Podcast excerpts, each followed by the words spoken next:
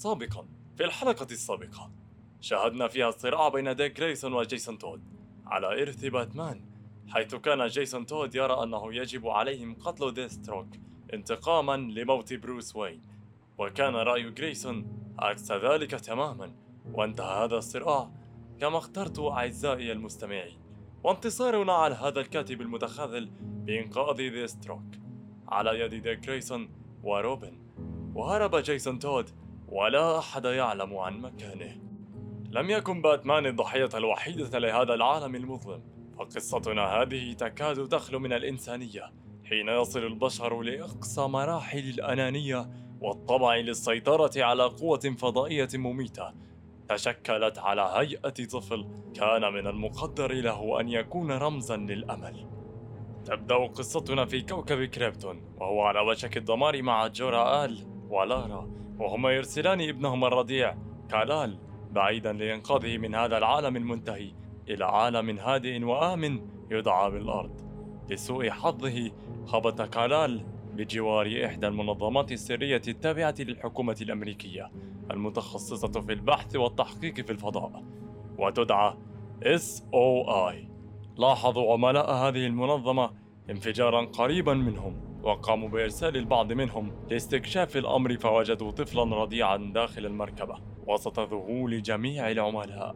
قاموا بالتبليغ عن ما رأوه وطلب منهم قادة المنظمة أن يجلبوا هذا الطفل وهذه السفينة داخل المنظمة لعرضه على فريق من العملاء لفحصه ومعرفة من أين جاء.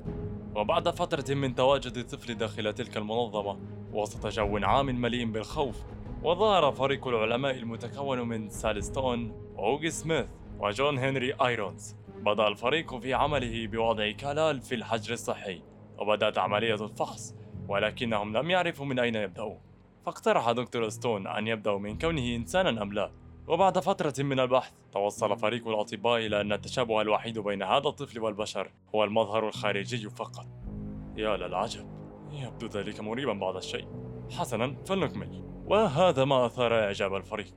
وعلى رأسهم جون هنري آيرونز والمؤسسة بالكامل التي طمعت في الكثير من هذا الطفل وتطلعت لتنفيذ أجندتهم الخاصة وأمروا الفريق بالبدء في إجراء التجارب على هذا الطفل الغير بشري لمعرفة ما هو قادر عليه. رفض دكتور جون أن يعامل هذا الطفل البريء كفأر تجارب لمجرد أنه مختلف عن البشر. ولكن دكتور ستون تدخل لإقناعه بأنهم في مرحلة لا مجال للانسحاب فيها. وأن الانسحاب في هذا الوقت يعني الخطر على حياته.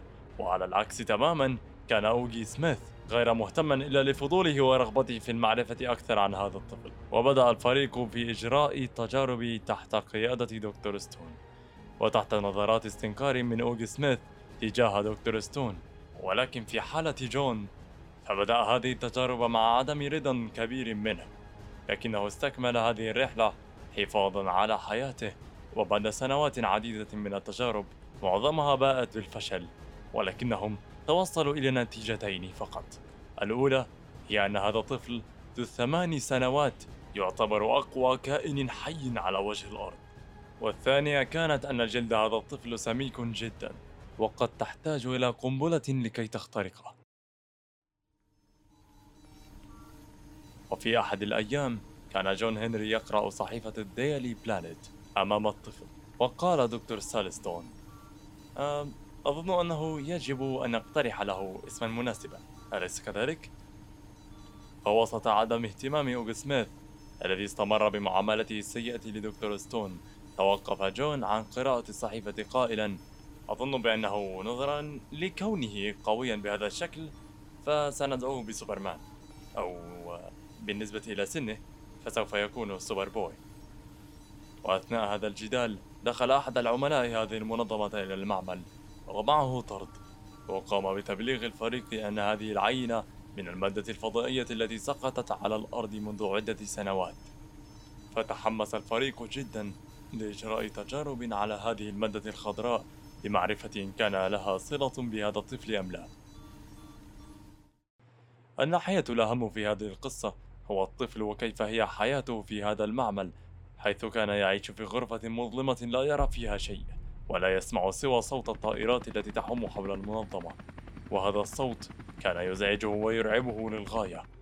ولم يرى غير عملاء هذه المؤسسة وفريق العلماء وكانت هذه الثمان سنوات صعبة جدا عليه حيث أنه لم يتم التعامل معه كطفل بل كعبد أو بمعنى أدق كفأر تجارب إلا في اللحظات الجيدة التي كان يعيشها فقط مع دكتور جون آيرونز وهو الوحيد الذي كان يتعامل معه جيدا وذلك تسبب في زرع الكراهية لديه تجاه هؤلاء الناس.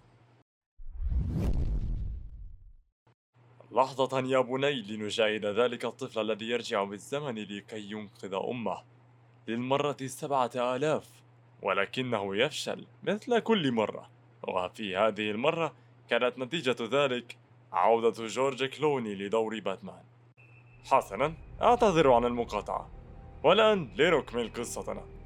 وتستمر السنين ويستمر فريق العلماء في إجراء التجارب على هذا الطفل. ومع الوقت يزداد كره هذا الطفل لهؤلاء الناس إلى أن وصلنا إلى أحد الأيام. وبعد إجراء إحدى التجارب عليه لمعرفة مدى سرعته كان كالال في بداية سن المراهقة. وقام بمهاجمة عملاء هذه المنظمة محاولة منه للهروب منها لكن بعد أن قام بقتل أحد هؤلاء العملاء قام جون بالسيطرة عليه قائلا له عليك أن تهدأ يا سوبرمان سوف تقوم بإيذاء أشخاص أبرياء أنت أفضل من ذلك يا صاح أليس كذلك؟ هاي أتسمعني؟ وأثناء تلك المحادثة قام العملاء بمهاجمته باستخدام المادة الخضراء التي سقطت على الأرض من الفضاء الخارجي منذ عدة سنوات والتي بعد تجارب عديدة اكتشفوا أنها تؤثر على سوبرمان وتقوم بإضعافه وتعتبر نقطة ضعف وحيدة بالنسبة إليه.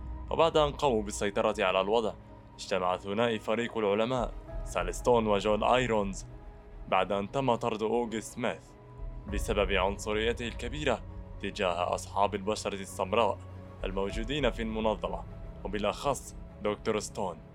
وطرح جون هنري في هذا الاجتماع أنه لا بد أن يجدوا طريقة يتحصنوا بها من سوبرمان خصوصا أن هذه ليست المرة الأولى التي يهجم فيها سوبرمان على أحد العملاء.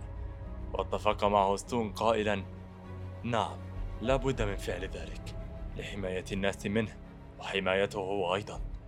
هؤلاء العملاء لديهم رصاصات مصنوعة من مادة هيدروكسيد سيليكات ليثيوم صوديوم مع الفلور القادرة على قتله في أي لحظة. وبعدما اتفقا على أن جون سوف يقوم بالتحدث مع الشعب لتهدئته والسيطرة على أفعاله خصوصا وأنه يحب دكتور جون هنري ويطيعه. وسيذهب دكتور ستون إلى قادة المنظمة لإخبارهم أنه يجب عليهم زيادة عدد العملاء داخل المعمل. لكي يقوموا بالسيطرة على سوبرمان. أثناء التجارب خصوصا أنهم قطعوا شوطا طويلا في معرفة قدرات هذا الطفل حيث أنهم استطاعوا اكتشاف قدرته العالية جدا على التحمل حيث أنه يستطيع أن يحمل أوزانا أكبر من جسمه بكثير. وذلك يرجع إلى كثافته العضلية. وأيضا تم إجراء تجارب إطلاق نار عليه لمعرفة قوة تحمله ومدى سمك جلده ولن تستطع أي من هذه الرصاصات اختراق جسده. مطلقا. وهذا يرجع أيضا لكثافته العضلية وأنسجة عظامه. واكتشفوا أيضا أن لديه ردة فعل عالية وقيل أن ذلك قد يكون بسبب كوكبه الأصلي وقوة جاذبيته وكونها أعلى من الأرض بكثير. وبالفعل قام جون هنري بالتحدث معه وإبلاغه أن الأفعال التي يقوم بها ومحاولته الدائمة للهرب ستؤدي إلى موته في النهاية وموت أشخاص أنبياء. وقال له أنا أعلم أنك تعيش حياة صعبة جدا. حياة غير مناسبة للطفل على الإطلاق. لكن عليك أن تتحلى بالصبر لكي تخرج من هذه المحنة على قيد الحياة. و... ومن يعلم قد يأتي إليك ملك حارس وينقذك من هذه الحياة البائسة. واقتنع كلال بهذا الكلام لأنه قيل له من صديقه الأول والأخير. ولكن هذا لم يقلل من كراهيته لهذا العالم وهؤلاء البشر. أما بالنسبة لدكتور ستون فذهب وتحدث مع قادة هذه المنظمة وأبلغهم بما يريده. واتفقوا جميعا معه وقاموا بزيادة العملاء في المعمل لحماية أجندتهم الخاصة. ولكنهم لم يتفقوا عند ذلك. وطلبوا من دكتور ستون أن يبدأ في عملية استنساخ هذا الفضائي لكي يقوموا ببناء جيش كبير من جنود أمثاله. لحماية أمريكا من أي خطر قد يأتي. وقاموا أيضا بإضافة الدكتور دابني دونوفان وهو عالم ذكي ولامع وغريب الأطوار مختص في علم الجينات لكي يساعدهم في بدء عملية الاستنساخ باستخدام ان اي الخاص بهذا الطفل. بعد مرور سنوات عديدة وتجارب استنساخ كثيرة باءت بالفشل. أصبح كلال في نهاية العشرينات وأصبح ضعيفا من كثرة التجارب التي تجرى عليه وابتعاده لفترة كبيرة عن الشمس. وهذا أزعج جون كثيرا لكنه لم يقدر على فعل شيء. إلى أن وصلنا إلى أحد الأيام التي كان ستون يقوم بمراجعة بعض الاستنتاجات التي وصلوا إليها. وكان دكتور دابني دونوفان يقوم بمراجعة الأجسام الناتجة من آخر عملية استنساخ حضر جون كعادته مع صحيفة الدايلي بلانت. وهو منزعج جدا بما يحدث لكالال وهو في رأسه فكرة واحدة وهي كيفية إنقاذه. وبعد تفكير عميق قام جون بإلهاء دكتور ستون ودكتور دونوفان بعيدا عن سوبرمان وأخبرهم بأنه سيقوم بتجهيز سوبرمان للتجارب. وبعد أن ذهبوا ذهب جون مسرعا إليه بحذر شديد وقام بفتح الغرفة التي يتواجد بها سوبرمان وذهب إليه مسرعا. قائلا إنني آسف حقا يا بني. لقد خذلتك كثيرا ولم تكن لدي الشجاعة الكافية لإنقاذك منذ البداية ولم أكن خير صديق. ولكن حان الوقت لكي تكون حرا بعيدا عن هؤلاء الشياطين. اذهب يا بني وكن إنسانا بعيدا عن هذه الحياة. وأعلم أن اعتذاري غير كاف. لكني أعتذر عن هذه السنين الضائعة من حياتك. حقا إنني آسف. هيا بنا لنذهب. ليس لدينا الكثير من الوقت لنضيعه وهما في طريقهما إلى الخارج. كان جون يساعد سوبرمان في الخروج نظرا لضعفه حاليا. ثم جاء ثلاثة من عملاء المنظمة واكتشفوا ما حدث. وسرعان ما أطلقوا النار على سوبرمان ولكن قام جون بحمايته. وأصيب هو بتلك الرصاصات المصنوعة من المادة الخضراء وسقط في يد سوبرمان وسط صدمة من العملاء على ما فعلوه وغضب شديد من سوبرمان. وبسبب ذلك الغضب أطلق سوبرمان فجأة أشعة حمراء من عينيه وقام بإبادة اثنين منهم. والثالث من الصدمة والرعب هرب مسرعا ونظر إلى سوبرمان إلى صديقه الأوحد وهو يلقط أنفاسه الأخيرة وقال جون له اذهب. يا بني لديك حياة لتعيشها. ومات جون في يد سوبرمان. ونظر إليه سوبرمان وهو يبكي قائلا له.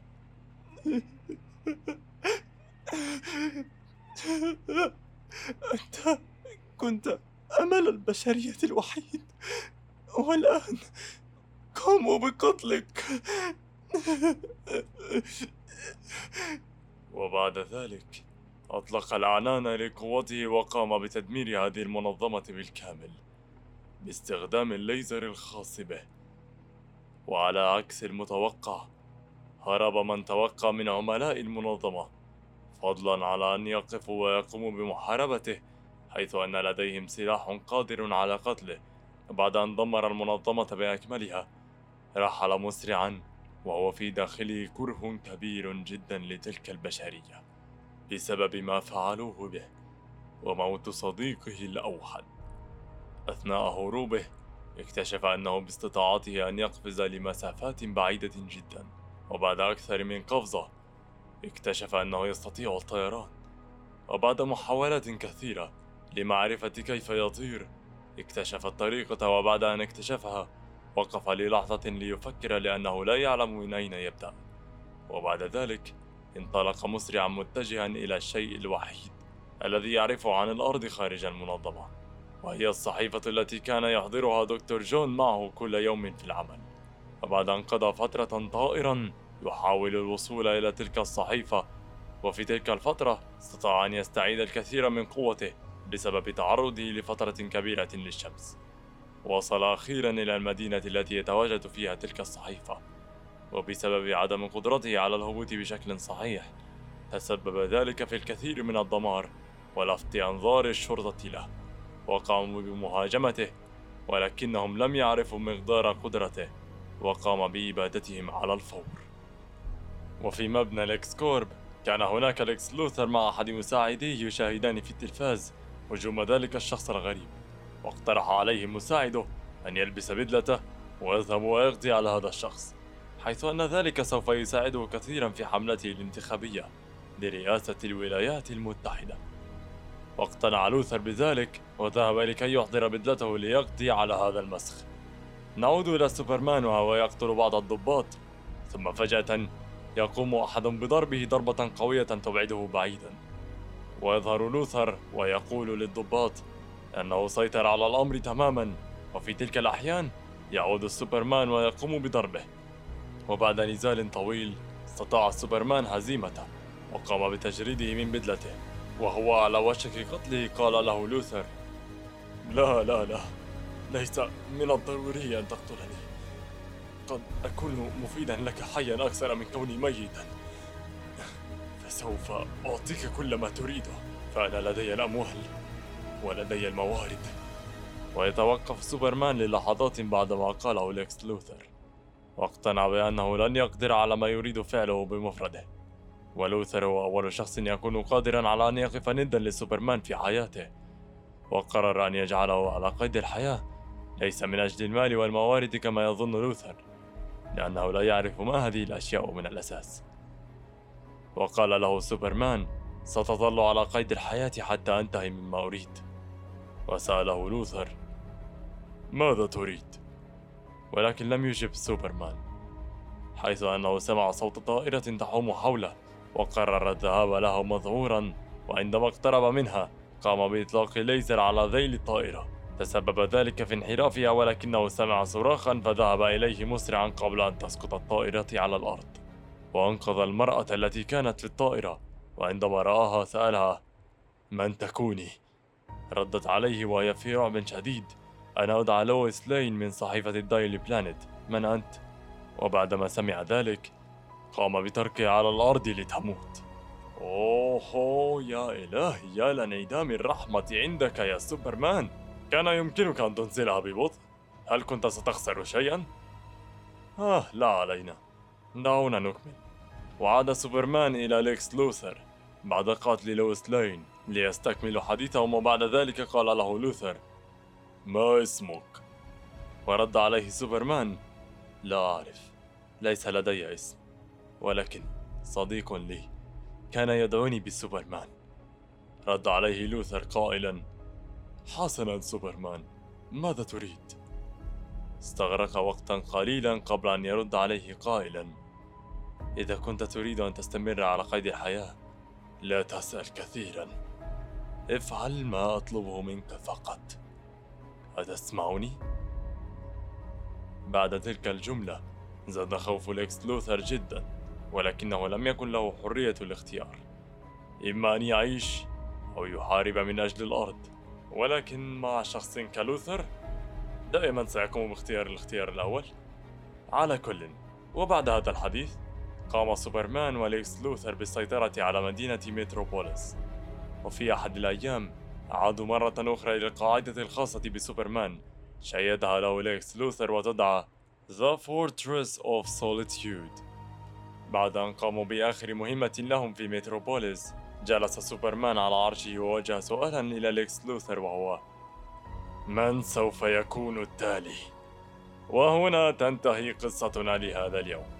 ولكن قبل الختام نذهب سريعا إلى بقايا منظمة SOI ونجد أن أحد الأنابيب الخاصة بالنسخ التي كان يحاولون استنساخها من سوبرمان تعرضت إلى الكسر.